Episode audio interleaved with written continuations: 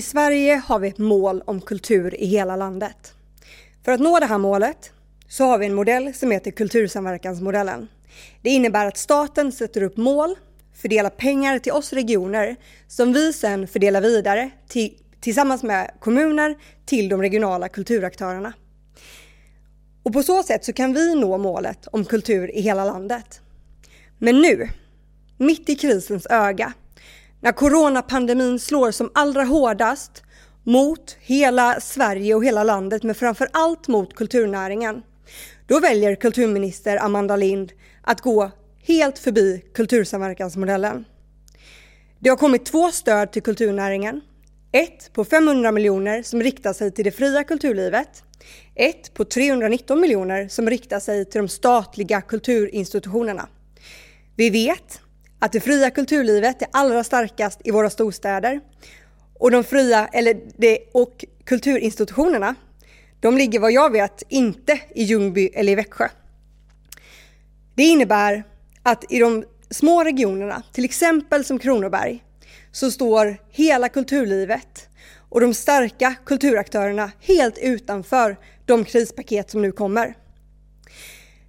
Och låt mig ta ett exempel Berättarnätet eller Sagobygden som jag vet att många av er har varit och besökt. De har en internationell prägel genom att de är listade på Unescos världsarvslista över det immateriella kulturarvet. De lyfter vi in i kultursamverkansmodellen och de får då pengar i den här modellen varje år. Men bara för det så är de alltså diskvalificerade från att kunna söka pengar ur stöden som nu kommer. Och många av våra kulturbolag, som till exempel Kulturparken eller Regionteatern, de kan inte korttidspermittera. De är också diskvalificerade från de näringslivsåtgärder som nu kommer. Det innebär att det slår stenhårt för kulturlivet i de mindre regionerna. Och med anledning av det så ställde vi frågan till kulturminister Amanda Lind på ett möte för några veckor sedan. Amanda, vad vill du egentligen med kulturpolitiken framåt? Hon kunde inte svara på den frågan. Så därför så samlade vi kulturpolitiker och kulturaktörer i södra Sverige och i Region Kronoberg för att trycka på kulturministern i just den här frågan.